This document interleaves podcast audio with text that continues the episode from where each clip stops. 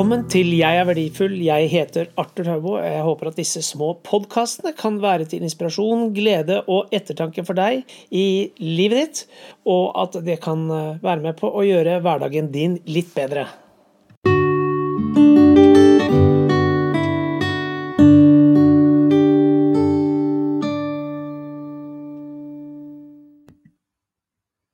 Kjære venn, takk for sist. Hyggelig å se deg her. Det har gått en uke siden vi snakket om det sist, og da husker du kanskje at vi snakket om dette med alle disse spørsmålene man kan stille seg selv, eh, som jeg ofte stiller meg selv i løpet av uken, og gjerne på slutten av uken. Og grunnen til at jeg gjør det, er for å finne ut hvor er det jeg er, hvor er det jeg forhold, hvordan ligger jeg an? Og Det ene jeg stilte spørsmål hva er det jeg lærte i forrige uke? Og En av de tingene jeg lærte i forrige uke, er at det er fryktelig mye vanskeligere å endre vaner enn man tror. Det skal liksom være så veldig lett. Eh, ja, jeg snakket om at jeg skulle prøve å få med meg en som heter Bernt André Torgussen. Som har skrevet en bok som heter 'Hjemmeseier'. Og nå skal jeg få han inn i studio. Jeg ser han sitter klar her og smiler ved bokhyllen sin. Et lite øyeblikk. Hallo. Hallo. Hei, Hei, Bernt. Hvordan er det med deg? Du, det er veldig bra. Det har jo vært noen fantastiske dager nå med sol og fint vær, så bedre kan man nesten ikke ha det. Jeg tenkte, jeg tenkte på det i hvem er det som kan sitte inne når det er så pent vær? Og da tenkte jeg at jo, det er faktisk ganske mange som vil sitte inne når det er pent vær. Ja, er, eh, for man, eh, man kan jo bli solbrent. Da bør man kanskje enten ta på seg solkrem eller sette seg i skyggen. Men eh, det er jo mange som ser, kan jo se på dette her i etterkant også, det trenger ikke å være live. Man kan jo se på det etterpå. mm. Grunnen til at jeg tok deg inn i studio her i dag, Bernt, det er fordi eh, du har jo skrevet boken 'Hjemmeseier', og jeg har den foran meg her. ja så fint. og der står det på forsiden, Bernt, så står det 'Hvordan, eh, nederlag, eh, hvordan snu nederlag til seier i eget liv og relasjoner'. Mm. Og det er en del sånne spørsmål inni her. Hvordan gjenopprette en god relasjon med andre? Hvordan kan jeg reise meg når alt er svart og mørkt? Hvordan gjen- opprette tillit? Og jeg tenkte, hvorfor ikke bare hoppe inn rett i dette med tillit? Mm. Det er jo et symmetrisk ord, kan leses begge veier. Ja, det er helt riktig. Både til og til, hvis du snur bokstavene. Så det handler om å gå mot hverandre.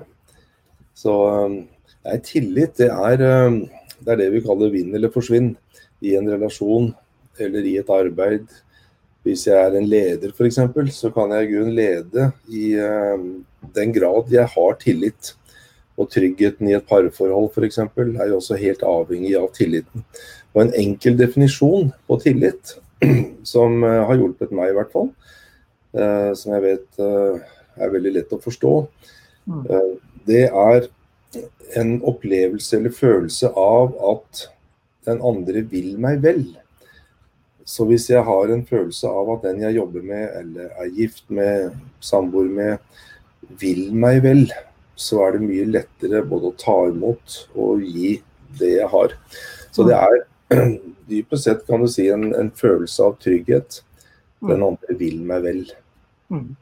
Så det er noe av limet og helt avgjørende i eh, enhver relasjon. Og den er lett å ødelegge, og den kan kreves eh, litt tid å bygge opp. Den må du gjøre deg fortjent til. I første kapittel ved denne boken eh, Bernt, så snakker du om dette med innenfra og ut. Hva, er det du tenker, hva, hva legger du liksom i det? Jo, det er at uh, all forandring kommer jo innenfra. Jeg kan altså prøve å lage et ytre staffasje, få til en eller annen eh, oppførsel som ikke er eh, genuin, født i hjertet mitt. Den vil aldri vare. Så jeg kan prøve å ta meg sammen, dra meg selv etter håret og sånne ting.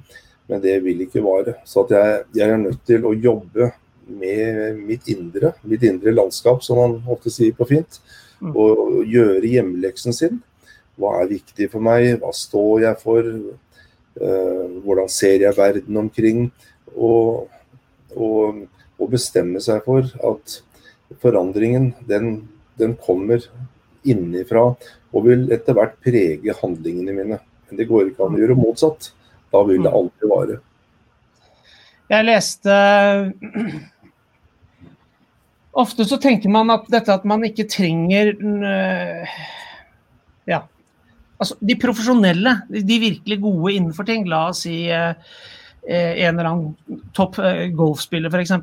Mm. Og det, eh, det man ofte tenker på, er at en, når man er profesjonell, så kan man på en måte Da kan man liksom få det til. Da kan man slå en ball osv. Mm. Men det jeg leste, er at de beste de har ofte en coach. De har en annen person som ser. Fordi, og det som sto, var at når du slår en ball, en golfball, så ser du liksom hvor ballen går.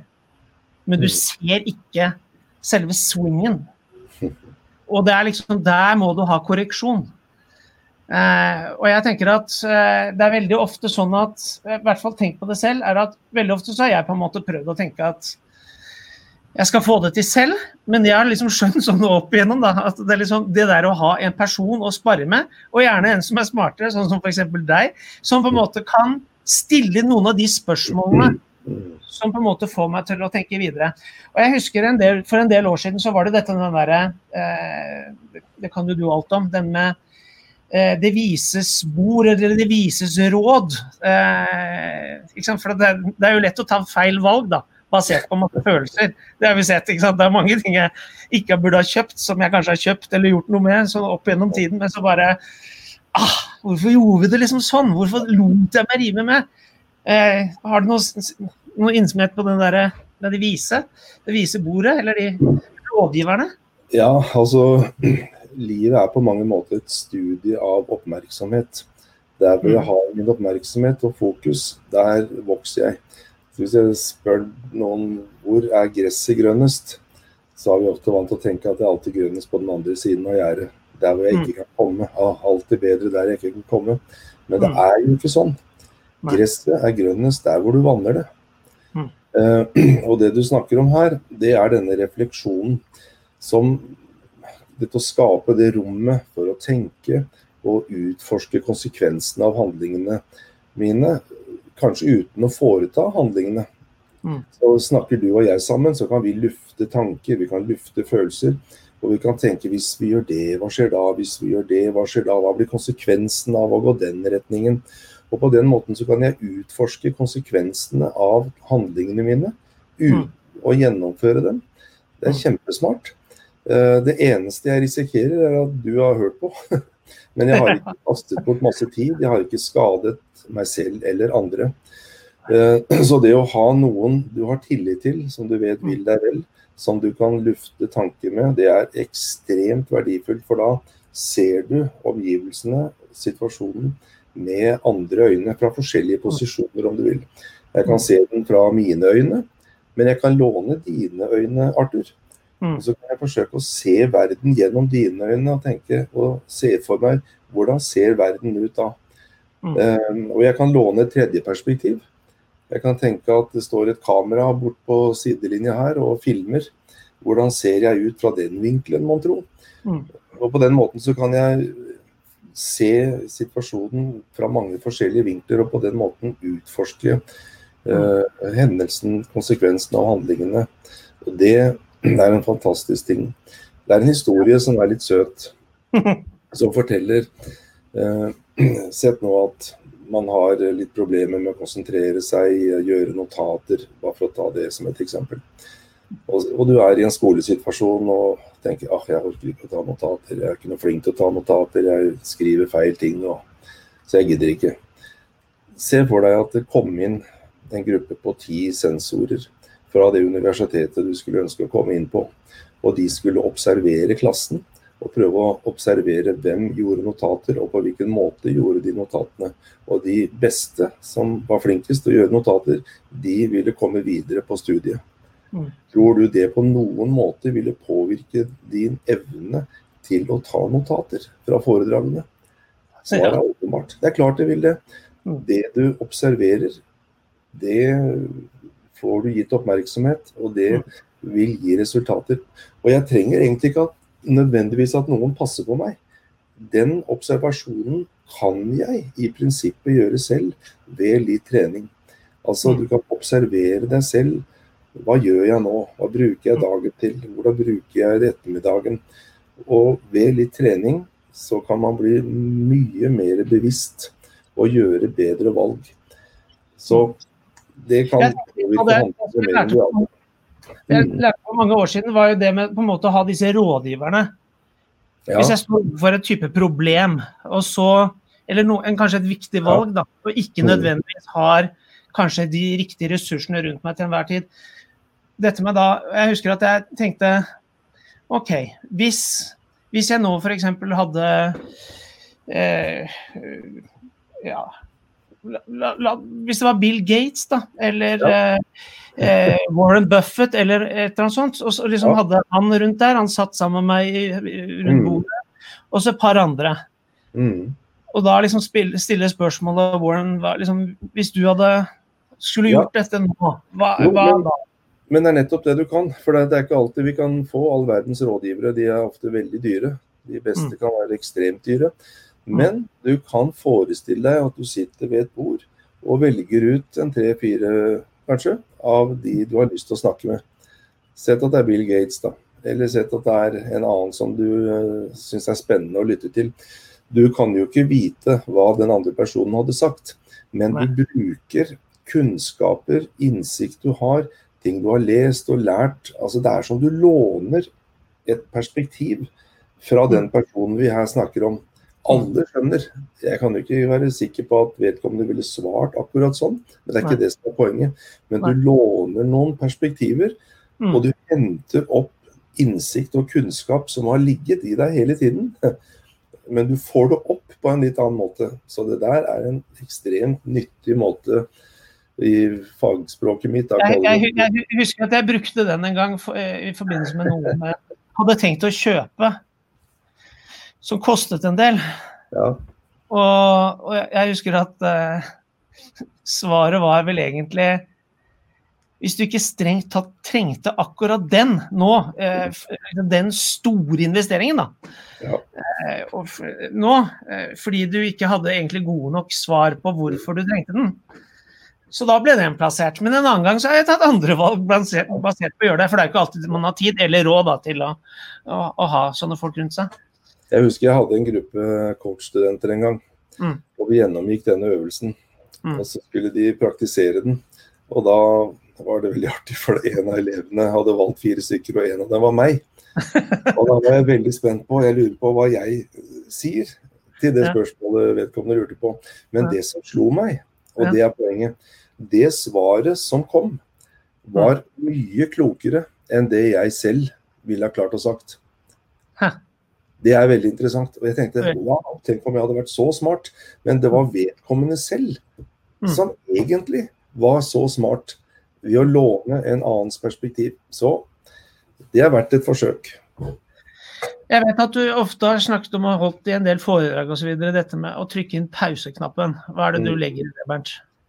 Ja, det er eh, De fleste av oss har en tendens til å reagere på ting mm. som skjer med oss, framfor å agere.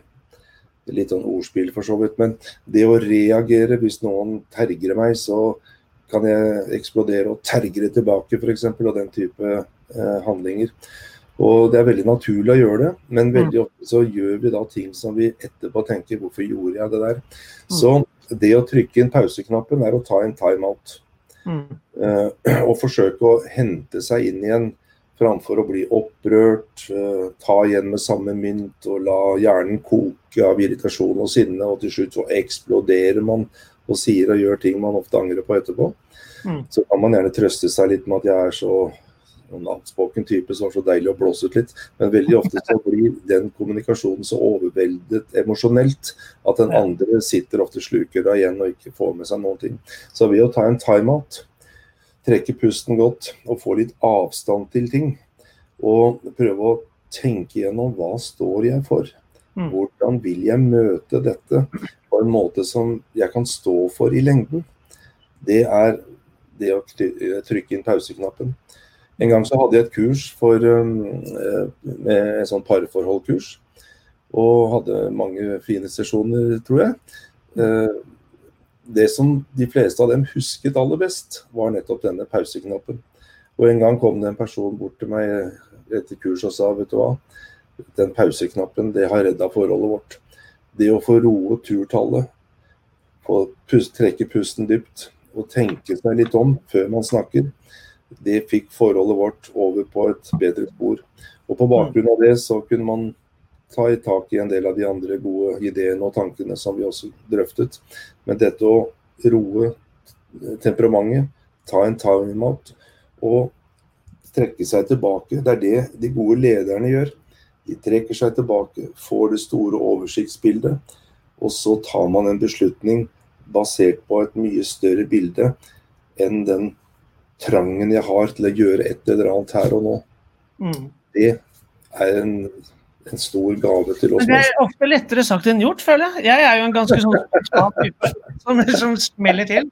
Jeg har jo jeg har jo fått høre hjemmefra jeg noen ganger at 'pappa, du er jo helt håpløs', liksom. Sånn. Men noen ganger så er jeg bare Ofte så er min timeout, da, det er ikke noe unnskyldning for det, men min timeout må være å gå vekk, da. Jeg må gå vekk fra det. Eh, og, så, og, og, og, det er liksom sånn OK, fattern er dust, liksom. Han har gått vekk. Jeg har hans type reaksjon. Men det er, har vært ofte min redning da, for å ikke fortsette å si noe utrolig dust. Liksom. Altså, jeg har sagt masse dust til nå, og så går jeg ut. Slik at jeg kan si det dumme ut i skauen eller noe sånt. Og så går jeg inn igjen, og så må jeg si sorry, jeg er en apekatt, liksom. Jeg skjønner ingenting. Nei, du er ekstremt smart. Men du er, du er en herlig personlighet. Eh, det vi snakker om her, det å gå ifra en ting Eh, det er vel Søren Kirkegård som en gang sa det der. Det fins ingen problemer som er så store at ikke du kan gå ifra dem. Nei. Så de store filosofene de tenkte de store tankene når de gikk spaserte i skog og mark og i fjell hvor det var et stort og flott landskap. Så de store tankene kommer sjelden på en eh, skrivepult. De kommer ute i naturen hvor du kan få litt luft under vingene, alt jeg på å si. Og, og, det å Selv så går jeg veldig mye. Det er en del av mm. min mentale hygiene. Mm. Så jeg går så mye jeg kan, kanskje en time om dagen, hvis jeg har mm. mulighet for det. Og det er altså nesten som å ristarte en datamaskin. Den turen alene får lufte tanker, får ja, oksygen i blodet. Bare avbryter deg litt, Bernt. Jeg bare sier til folk som sitter og ser på her nå, altså det er bare å stille spørsmål. Jeg forventer ikke at mm -hmm. folk sier at uh, mannen min er en dust, eller hva gjør jeg med han, eller får jeg barna til å rydde opp etter seg, eller et sånt. Men kanskje generelle spørsmål sånn. Uh, mm. eh, og jeg trenger ikke å vise det, liksom, det blir jo litt live her på dette live-fenomenet. Så, men hvis det er noen generelle spørsmål eh, Vi var innom dette med vaner. Veldig vanskelig. Jeg vet at her om dagen så ble jo SpaceX skutt ut i verdensrommet av eh, Tesla-gründeren. Eh, Elon Musk. Første private greie. Og jeg vet at du ofte har brukt dette med rakett... Eh, rakettfenomenet i en del av de tingene du har snakket om, Bernt. Stemmer. Eh, kanskje litt rundt det, for det er, det, er, et interessant måte å se det på. Det ble sagt har det går eller foregårs, de kom igjennom. Og mm. Jeg så på det, jeg også. Og Da sa uh, en av de uh, som kom opp i rommet der, at de hadde kjempet mot jorden. Eller en eller annen setning der. Og det var jo ikke at de kjempet mot jorden sånn, men tyngdeloven og gravitasjonslovene vil jo trekke denne farkosten tilbake igjen. Mm. Og det sier seg selv at å komme ut mm.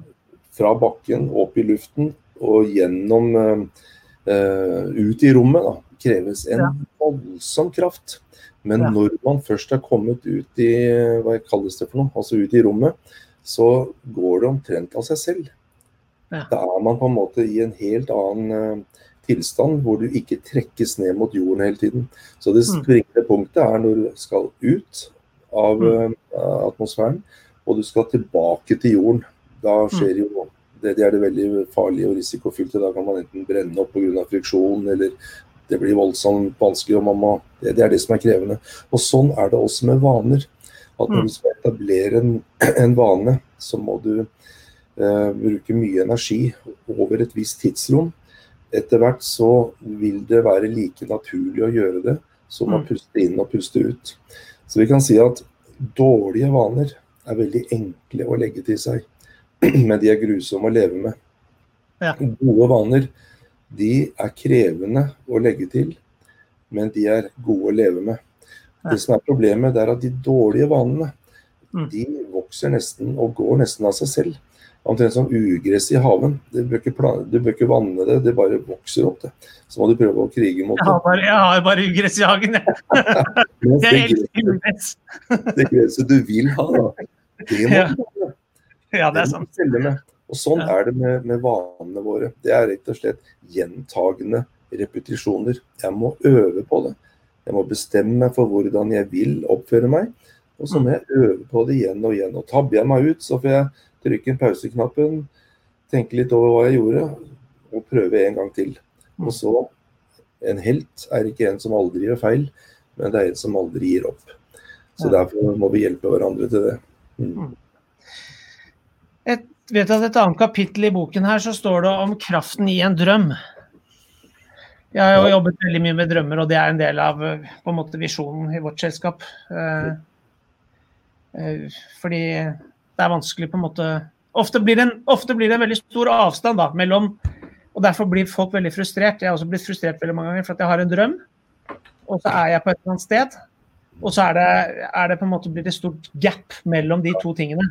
Eh, og så når jeg ikke helt fram. Så på en måte, drømmen er veldig vital hos meg, men det er ikke alltid at virkeligheten stemmer helt med det, og, videre. Men kraften i en drøm, hva legger du det, Bernt? Nei, altså det store mangelvaren for mange av oss er at vi vet ikke hvor vi vil. Eh, Vi vet kanskje at vi er ikke fornøyd, jeg har det ikke så bra, og det kunne vært bedre, og en gang i tiden skal det nok bli, skal nok bli lykkelig en gang.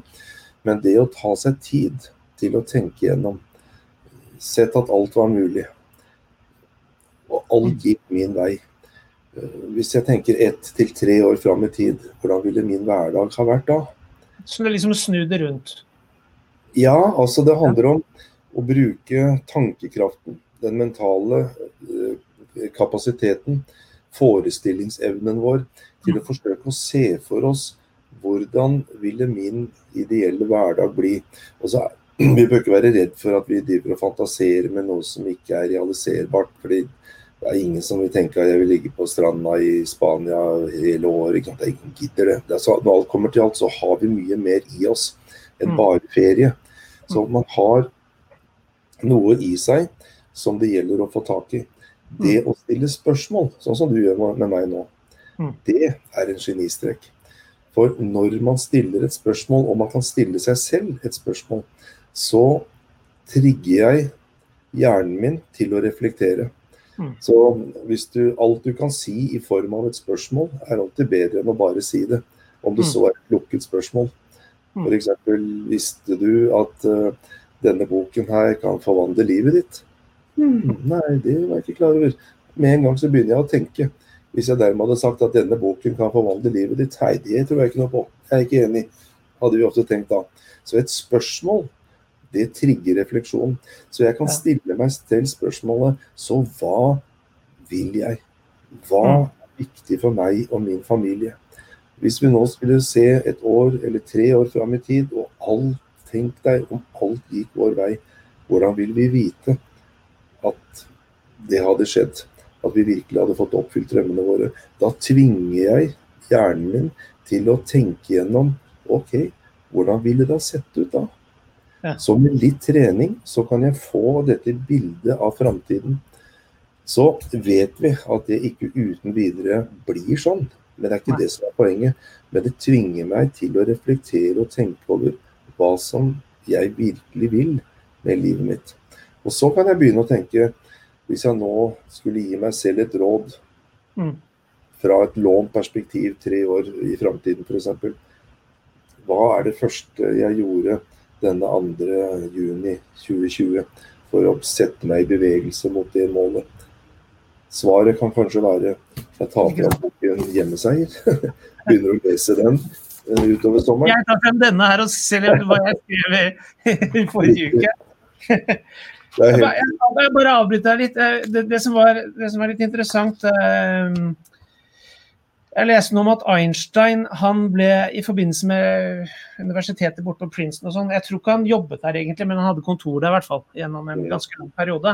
Og så var det da eh, et spørsmål var det et eller annet rundt dette med at eh, kollegaene rundt der de lurte på hvorfor i all verden stiller du studentene her det samme spørsmålet år etter år. Altså, da vet de jo spørsmålet. De vet liksom spørsmålet. Så du må kanskje liksom bytte det snart. Og da skal Einstein ha svart at Why should I change it? The answers keep on changing. Det er helt riktig. Så det, er liksom- det er liksom det derre Spørsmålet kan være det samme, men liksom omstendighetene, de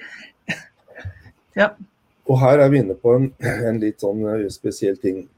Det er sagt at så mye som 60% eller 70 av beslutningene jeg tar, de viser seg å bli feil i tidens fylde. Det betyr ikke at de var dårlige da jeg tok dem, men verden endrer seg. Ja. Så hvis vi nå skulle gjøre, bare for å holde liksom stø kurs, jeg gjør det samme i dag som jeg gjorde for ti år siden, det er ofte veldig dumt. Teknologien endrer seg, kommunikasjonsformen endrer seg. Bare den plattformen vi snakker sammen på i dag, den eksisterte jo ikke bare for noen år siden. Alt endrer seg. Og det betyr at det å stille seg spørsmålet, som Einstein gjorde eh, igjen og igjen, det er nettopp fordi svarene endrer seg. Mm.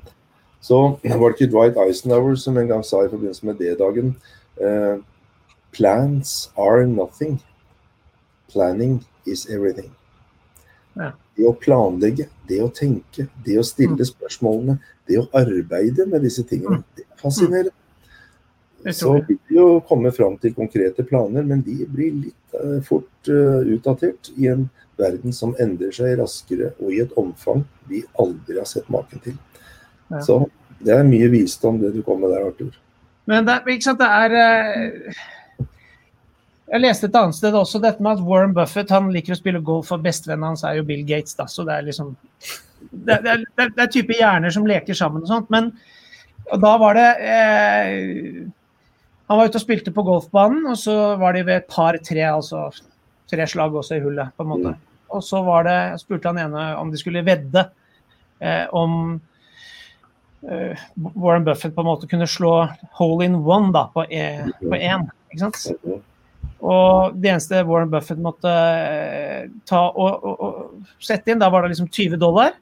Og det skulle være sånn at det var liksom 20 til 20 000 dollar. Så liksom, hvis han satte Ja, han kunne Han veddet med 20 dollar, men han kunne få 20 000 hvis han fikk hole in one. Mm.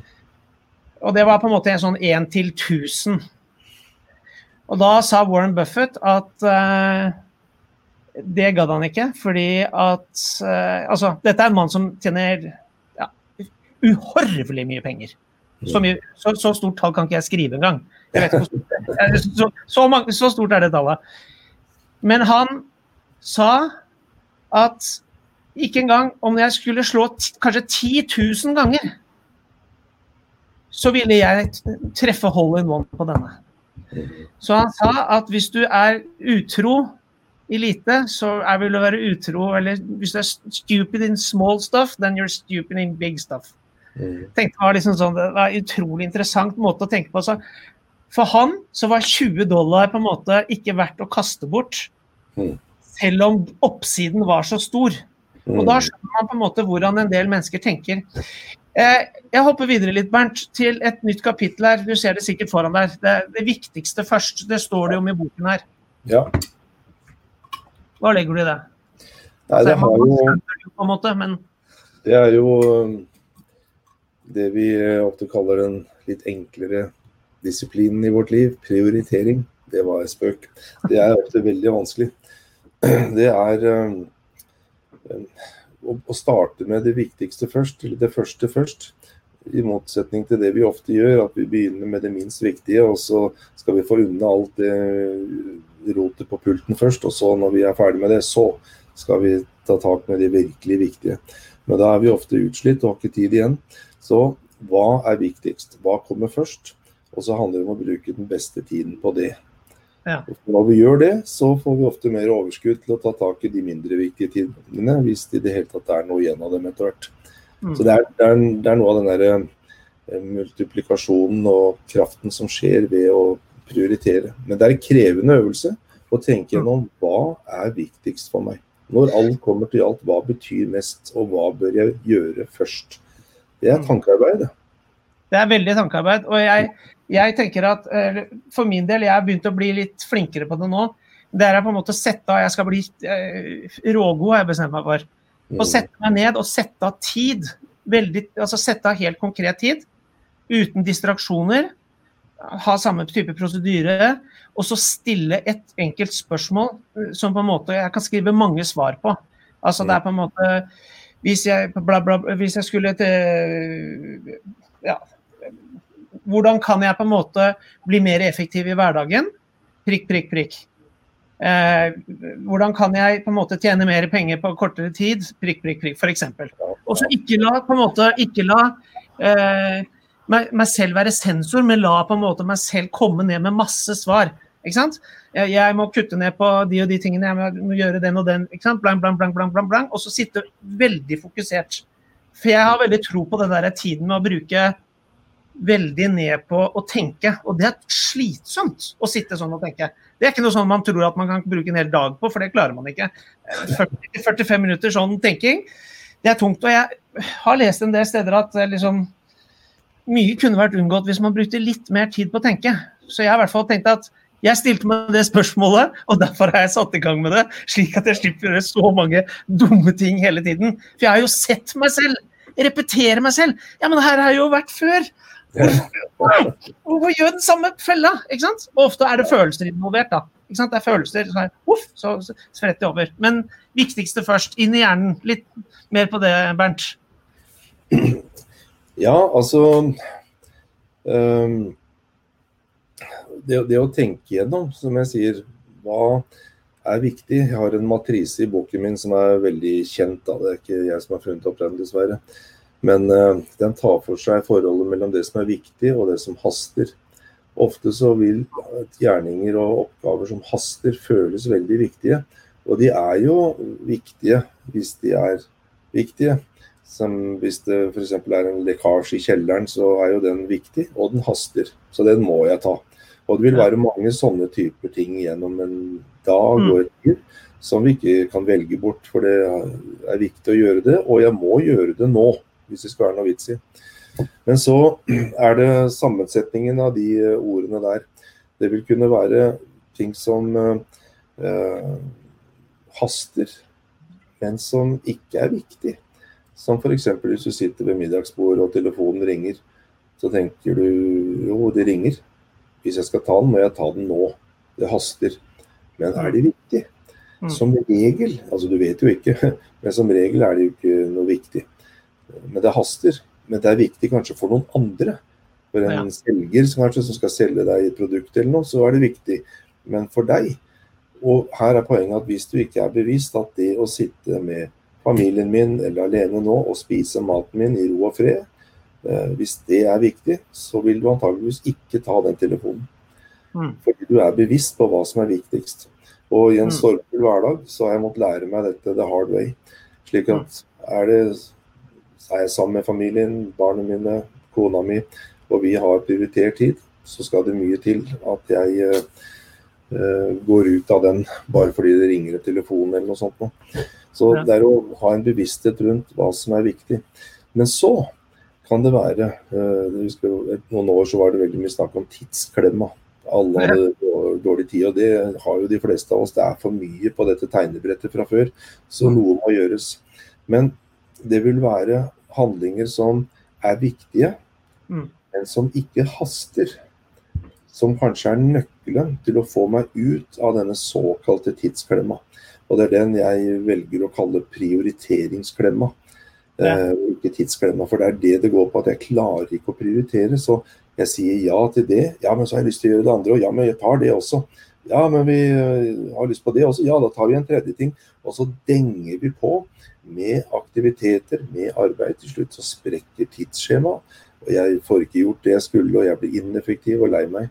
Så det som er nøkkelen, det er å bruke mer tid på aktiviteter som er viktige, men som kanskje ikke haster. Og nettopp av den grunn så blir de eh, satt til side. Som f.eks. Mm. å gå tur. Som f.eks. Eh, eh, å lese en bok Jeg går ikke til grunne om ikke jeg leser noen bøker i, akkurat nå, men i det lange løp så vil det redusere kunnskapen min og gjøre at jeg går tom. Men hvis jeg investerer i framtiden min, leser bøker innenfor mitt felt, spiser den maten jeg tenker er bra for meg, gjør andre ting som jeg vet har langtidseffekt, mm. så vil det hjelpe meg å bruke mindre tid på det som ikke er så viktig. Så mitt liv har jo vært veldig mye møter. Mm. Ledermøter, planleggingsmøter og alt mulig rart er jo møter. Og jeg, mange av dem er viktige, men ikke alle. Så jeg har lært meg følgende triks. Hvis det mm. ikke er nødvendig å gå i et møte, så er det nødvendig å ikke gå i det møtet. Altså rett og slett si nei hvis mm. det ikke er viktig. Mm. Så da må man gjøre et stykke mentalt arbeid. Ja, hva er viktig, da? Og så videre. Så igjen, som Henry Ford sa en gang, tankearbeid er noe av det hardeste arbeid som finnes. Og det er sannsynligvis grunnen til at så få beskjeftiger seg med det. Det er ganske bra sagt. det er veldig bra sagt. Jeg, eh, jeg tar opp en tegning her nå. Eh, ser, du det greit? Yep. Ja. Der. Mm. Den er jo inne i boken her. Ja. Kan ikke du si litt om den? For den har jeg brukt ganske mange ganger for meg selv og for andre. Så uh... Og den er enkel og fantastisk. Eh, det handler om Hva er det, for noe? Hva er det for noe? Altså, vi kaller det, altså det, er, det er bare en sirkel. Og den kan brukes på veldig mange måter. Jeg bruker den her, tenker jeg, som en sånn uh, Ja, hva er det jeg kaller det? Altså, jeg bruker en sirkel Uh, og ved å tegne en sirkel på et, på et papir Det kan nesten bare se sånn ut. Og jeg kan si til hjernen min at dette representerer nå mitt liv. Ja. Så blir det å dele inn denne Dette som jeg nå har definert som livet mitt. Mm. Eh, og definere hva består livet mitt av, eller hva ønsker jeg det skal bestå av. Eh, så livshjulet er det mange som kaller det. Da kan jeg utforske det på den måten og eh, brekke ned de elementene som er viktige for meg.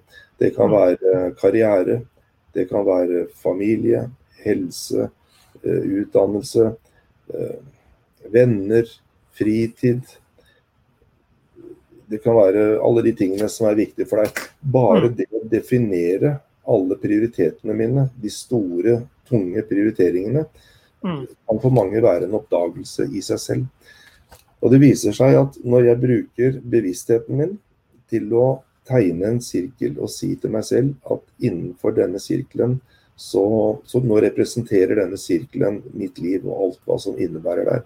Så er det akkurat som den forholder seg til det, på et vis. Ja, ja. Og så kan jeg begynne på papiret og tegne og designe hva vil jeg at livet mitt skal bestå i.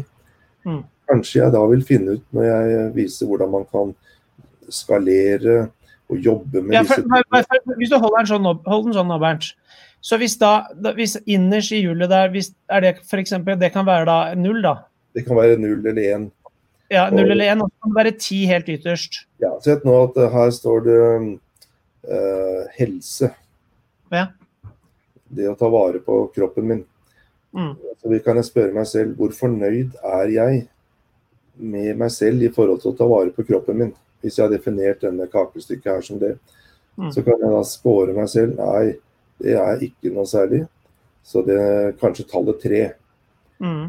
Og det er litt lavt. Så kan jeg stille meg selv OK, jeg er ikke helt fornøyd med det. Jeg legger mm. på meg dårlig form og utafor. Så hvis jeg skulle gi meg selv et tall for å definere hvor høyt opp på denne skalaen jeg ville ha vært Det blir ikke vært å se sånn. så sånn. Så kan jeg si sånn. Så kan jeg si at uh, jeg vil opp på en åtte, f.eks.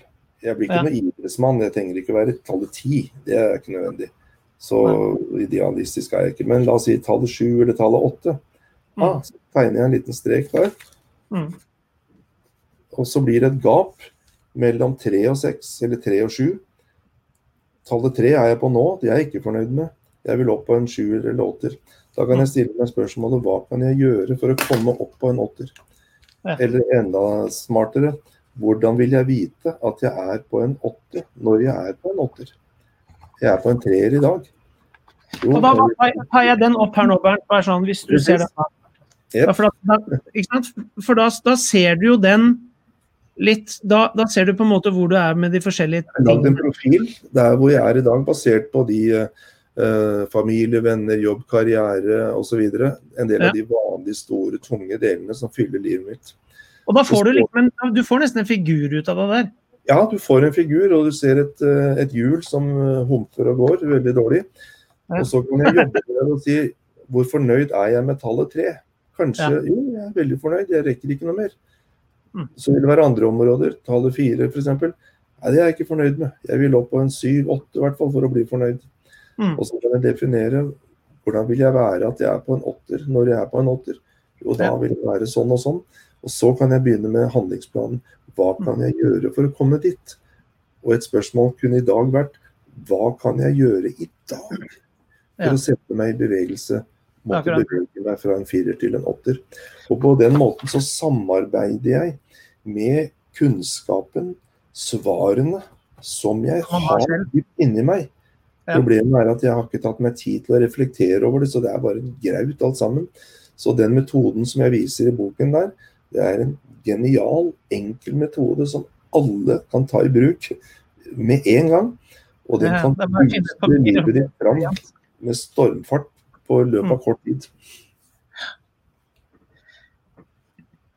Du snakker om de gode prosessene, Bernt. Det er litt lenger uti det her. Ja. Det gjør jeg.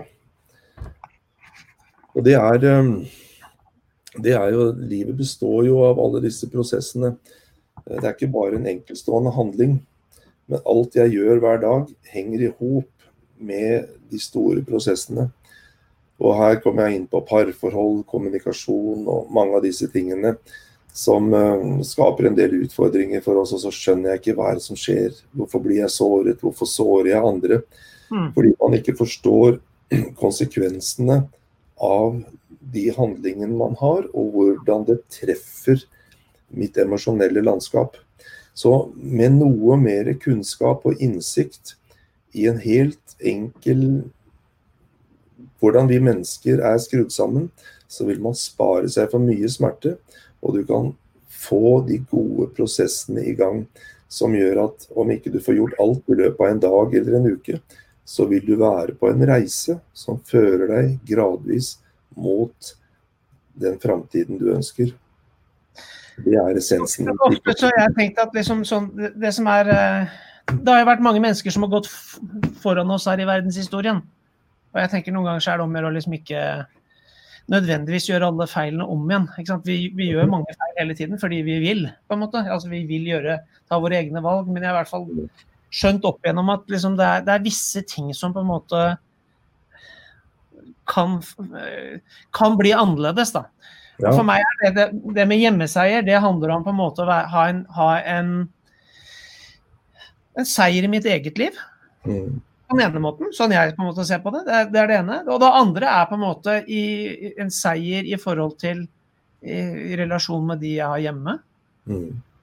Og de nære forbindelsene. Og man kan dra det også videre til, til kollegaer på jobben eller hvor som helst. Men det Mm. er et eller annet med den derre å være bevisst på ting. Og jeg syns det der kartet som vi snakket om i stad der, jeg synes den er veldig veldig interessant. fordi at man ofte så, så altså Hvis du kommer på sykehus, da og jeg har jo vært litt på sykehus, jeg, så jeg vet jo De kommer med sånne skalaer. Hvor vondt du det i dag? liksom sånn.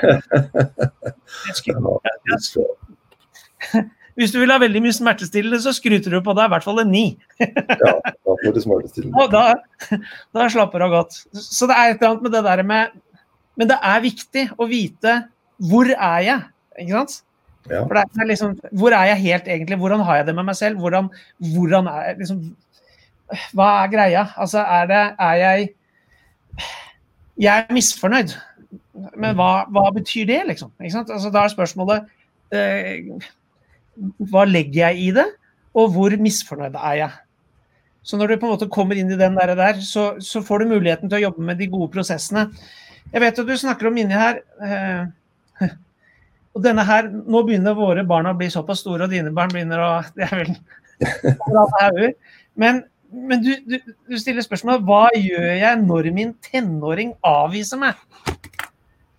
Der har vel de fleste vært, eller de som har barn eller har tenåring. Liksom, hva skjer da? Liksom? Hvordan møter jeg det?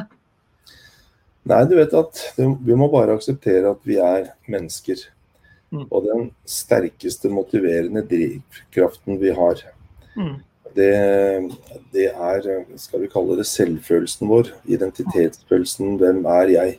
Mm. Eh, som den boken du selv har skrevet, 'Jeg er verdifull', den tar til rette med, kommer til rette med den sterkeste drivkraften der.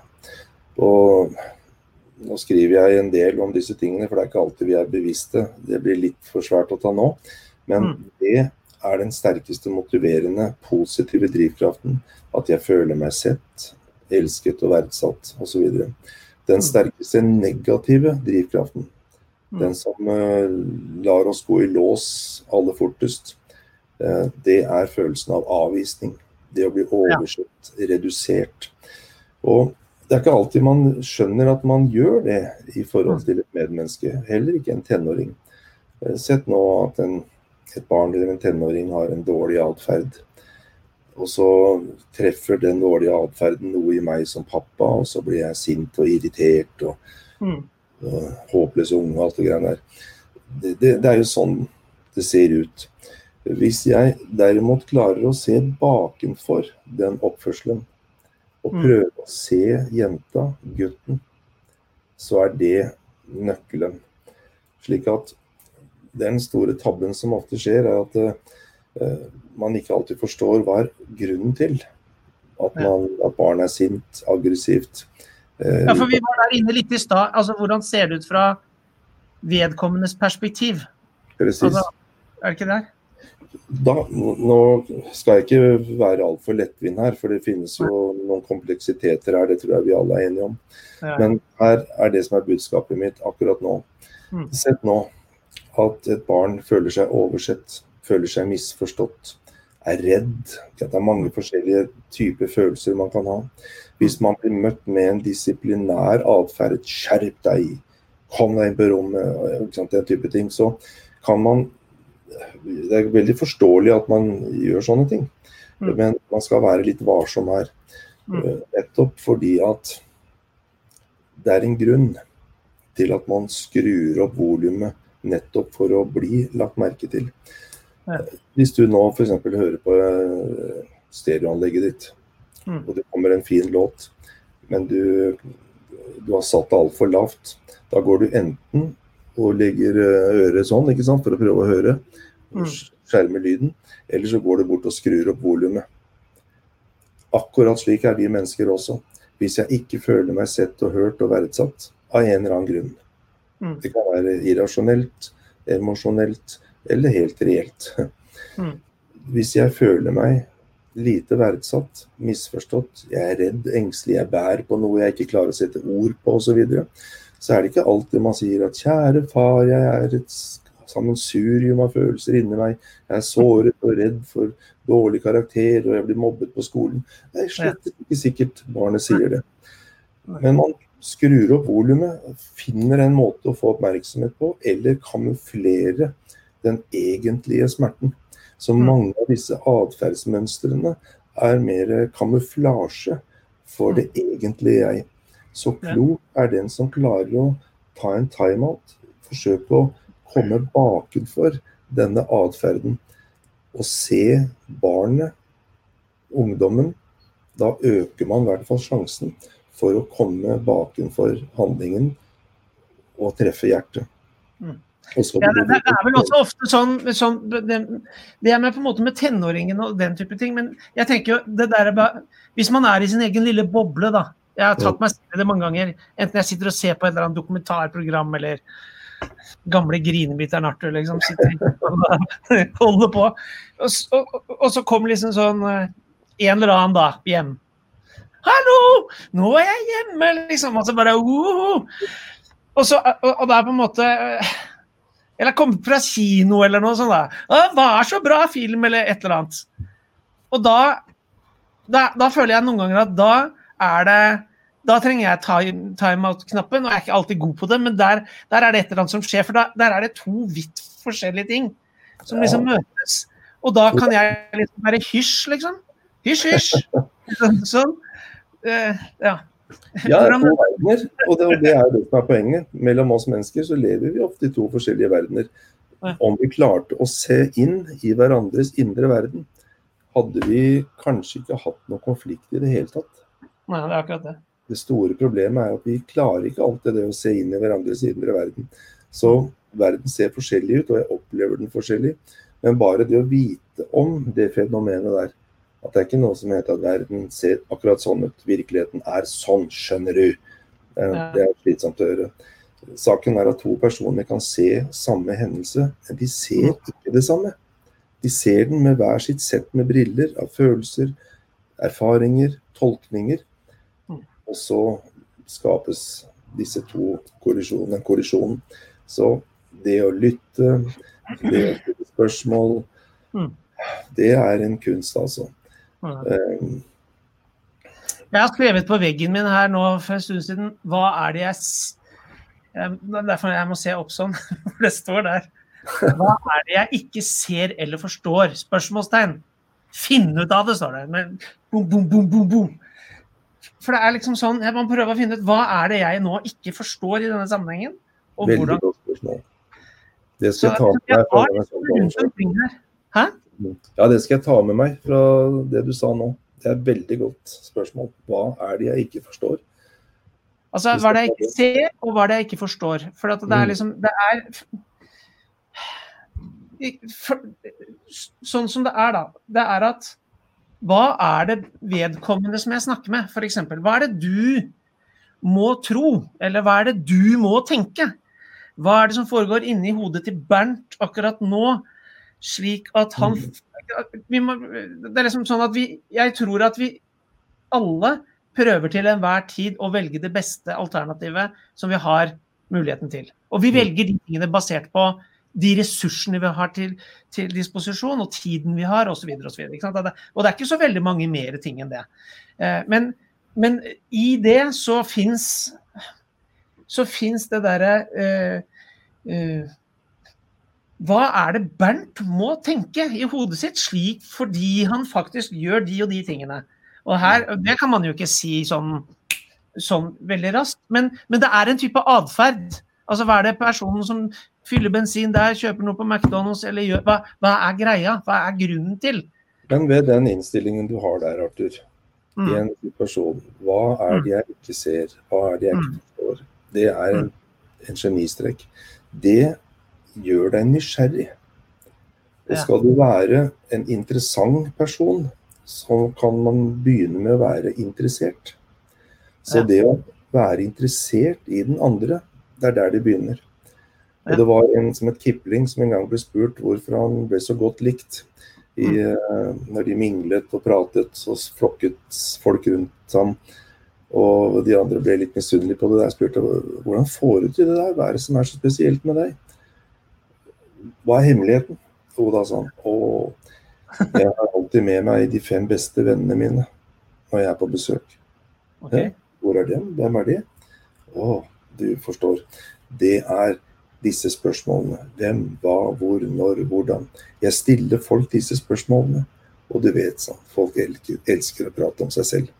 Men det er noe med å være interessert. Er. Stille spørsmål, lytte, ta en Mm. pause. Og ikke spore hele tiden. Allah, når noen forteller deg et eller annet at jeg opplevde det og det, og det var veldig vondt, så er det en del som har en tendens til å si ja, det har jeg også opplevd, det er egentlig mye verre det jeg opplevde. Og så kommer din historie. Det var ikke det som var meningen. Å spore av med din historie.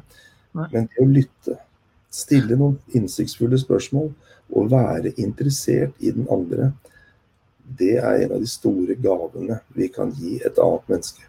Mm. Det skaper rom for refleksjon. Det skaper rom for å tenke gjennom hva jeg vil, og kanskje orke å ta fatt på neste strekk Ja. på livsveien. Jeg tenkte Jeg har jo disse livestreamene en gang i uken, og det er jo eh, Jeg har bare kjent på meg det, så jeg nevnte jeg jo for deg, Bernt, at det er liksom jeg har bare kjent på meg at jeg har lyst til å bare Jeg har bare lyst til å gjøre det, bare liksom sende. Ja. Jeg blåser i om det er sånn eller sånn, men det er et eller annet med eh, Hvis det er noe, noen som har spørsmål osv., så, videre, så ja, det kan, kanskje det betyr noe for noen, ikke sant? Mm. Jeg spurte deg egentlig litt i forkant av eh, Vi møttes nå her i dag om, om eh, eh, hvis folk skulle få tak i boken din eller et eller annet sånt. Og da, eh, så det jeg tenkte var at eh, ikke bare tar du og gir den med en veldig rabattert sum, men jeg kommer til Skal vi se, jeg har satt opp Hvis dere ser her nede nå, så, så ser dere at hvis, dere er interessert, da, så, så ser dere nummeret da til Bernt der, som dere kan vippse han. Eh, hvis dere har lyst på boken i fysisk format sånn som dette. Eh, jeg har den hjemme hos meg, jeg har den med meg mange steder. Jeg har både en hjemme og en på jobben. Og den koster da hva er det står for noe, 288 for deg som ser på. Så det er liksom tilbud. Vanligvis så koster den 387. Og da har det inkludert Inkludert frakt. Mm. ja. Og da tar Bernt og pakker og sender og går på påske og ordner opp. Mm. Eh, så, så, så det, er, det er den vips der. Du, det er riktig vips nummer er det ikke det, Bernt? Det er riktig. Ja. Nei, men det hadde vært hyggelig. Da også adressen der sånn. Ja, det er- det er du, kan vel sende en hilsen til folk også, hvis du vil? Vi skal prøve å gjøre det. Men Ja, det er eh, jo stoff som vi har jobbet med. Hvilken e- hvilken e-postadresse kan de eventuelt nå der på, Bernt? Er det De kan nå meg på bernt at livogledelse.no. Bernt at livogledelse.no. Det hadde vært hyggelig å høre fra deg. Så hvis jeg gjør sånn, Bernt at livogledelse.no, Perfekt. Yes. så ser de at hvis, hvis de sender deg så videre, så kan du, eh, hvis du vil ha en hilsen eller et eller annet. Du har jo skrevet en liten hilsen til, til meg inni her. Ja. Setter jo jeg, setter jeg veldig pris på, da. Da har liksom ja, gjør boken ekstra bra for meg. Takk skal du ha. Så før vi går inn for landing her, Bernt. Eh, vi lever i en urolig tid, selv om solen skinner og alt hva det er for noe. Har du Ja. noe siste gullkorn til folk? Jeg, for å si det sånn, det er veldig mulig at jeg eh, ber deg om å stille opp en annen dag også. Ja, men det vil jeg gjerne. Eh, og, og høste et sånt reservoar av kunnskap og ting, det, det tror jeg mange kan ha glede av. Her har vi se om vi har fått en Det er en som heter øh, Den. Den kan du svare på, Bernt. Ser du den? Mm. Roy Sandnes. Man må like seg selv for å føle seg verdifull. Det er nettopp den Hvis du tenker deg selvtilliten, selvbildet ditt, det er det bildet jeg ser av meg selv. Eh, Er jeg så heldig å like det, så er jeg, er jeg lykkelig. Men det finnes en dimensjon i selvidentiteten vår som er kanskje enda kraftigere. Og det er det man kaller for selvfølelsen. Det å føle godt om seg selv og like seg selv. Det er litt unorskt å snakke sånn, Mm. men eh, lykkelig er den som, som gjør det. Det betyr ikke at vi er perfekte. Alle skjønner at ikke det er det det handler om, egentlig. Mm. Veldig mange mennesker plages av at man skulle ønske man var en annen. Er ikke fornøyd med seg selv og liker seg ikke selv. Men uh, i den grad du er tilfreds med deg selv, vil du være tilfreds med andre. Og det er det som er baksiden på det vi snakker om nå. Hvis jeg ikke liker meg selv, så har jeg litt vanskelig for å like andre også. Mm. Det er, eh, det er eh, situasjonen. og Derfor så er det jo en som sa 'elsk din neste som deg selv'. I det hele tatt er det spørsmål om man kan elske andre hvis man ikke elsker seg selv. Mm. Så, så det er et veldig bra innspill. Men hvordan man kan komme til den tilstanden, det er jo også et litt stort spørsmål. Og der vil jeg vel avslutte med å minne om det å få akseptere det, altså aksepten. Jeg er den jeg er. Um, og det er godt nok. Og med det utgangspunktet så kan jeg ta tak i ting i livet mitt og utvikle meg.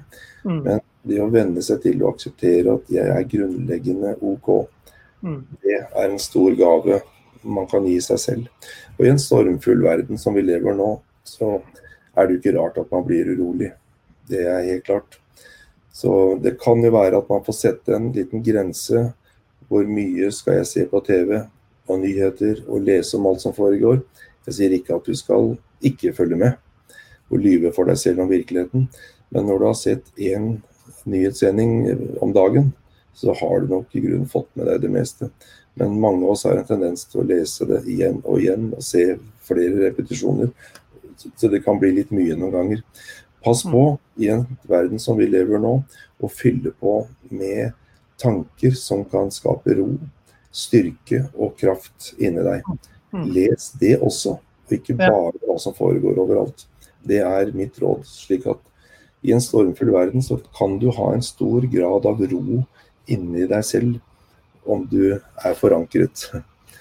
Det er eh, en gave vi har. Bernt, vi har holdt på i 1 time og 22-23 sekunder nå. Det, det var litt Så sånn fort. så, så jeg, jeg takker deg for at du stilte opp. Har du lyst til å komme igjen en annen gang, eller? veldig lyst til det. Ja. Og hvis noen andre syns det er OK også, Vi har jo, ja, det er jo mange temaer som vi kan ta opp, for vi har jo jobbet en del av disse tingene før. vi har det. Så til deg som har sett på, eh, tar den opp veldig raskt igjen. Hvis du er interessert, så kan du få eh, boken til Bernt sendt til deg. Eh, jeg lar den bare tusle litt der. Vi holder ikke på med dette for at vi skal prøve å drive og selge svært, men jeg syns det i hvert fall var sjenerøst av deg, Bernt, å gi den så Gidde å ta så mye på påslaget. og gidde å poste og sende en, en sånn bok. Ja, Og så var det det siste som jeg satte på i stad. Det var hvis du hadde lyst på en hilsen, så send gjerne Bernt en eh, e-post. Mm. Eh, Og husk å selvfølgelig da sende opp adressen. Så, så, så får du en hilsen. Og det er også lov å gi denne boken til noen du er glad i. Det er ofte. Jeg, jeg har Skal vi se, var ikke her. Jeg har noen igjen, da, men eh, jeg kjøpte liksom en hel kartong av noen, en bok som jeg var glad i. Og så, så gi- gir jeg det bort Det bort er til Arthur i et nøtteskall. så gir jeg det bort til folk. Og så, for å være opp til dem å lese det hvis de er interessert. Du vet, en tanke Hæ? kan være det som skal til for å skyte fart. En Ja. idé eller en tanke. Ja. Så Så til dere som har sett på, tusen takk for å ha sett på. Tusen takk, Bernt. Takk for at du stilte opp. Det var veldig hyggelig. Og så ser jeg at solen i hvert fall skinner utenfor mitt vindu. Og det gjør det kanskje borte hos deg òg. Ja, det, den går snart ned åsen. Ja. Du bor på andre siden av åsen. Jeg bor på den andre siden av åsen. jeg. Ha en riktig god kveld. Og, takk for at, og til dere som ser på i etterkant også, husk at dere også får den samme prisen, ikke sant, Bernt? Det er helt riktig. Da får du ha en riktig god kveld, alle sammen. Takk for at du så på. Ha det. Hei, hei.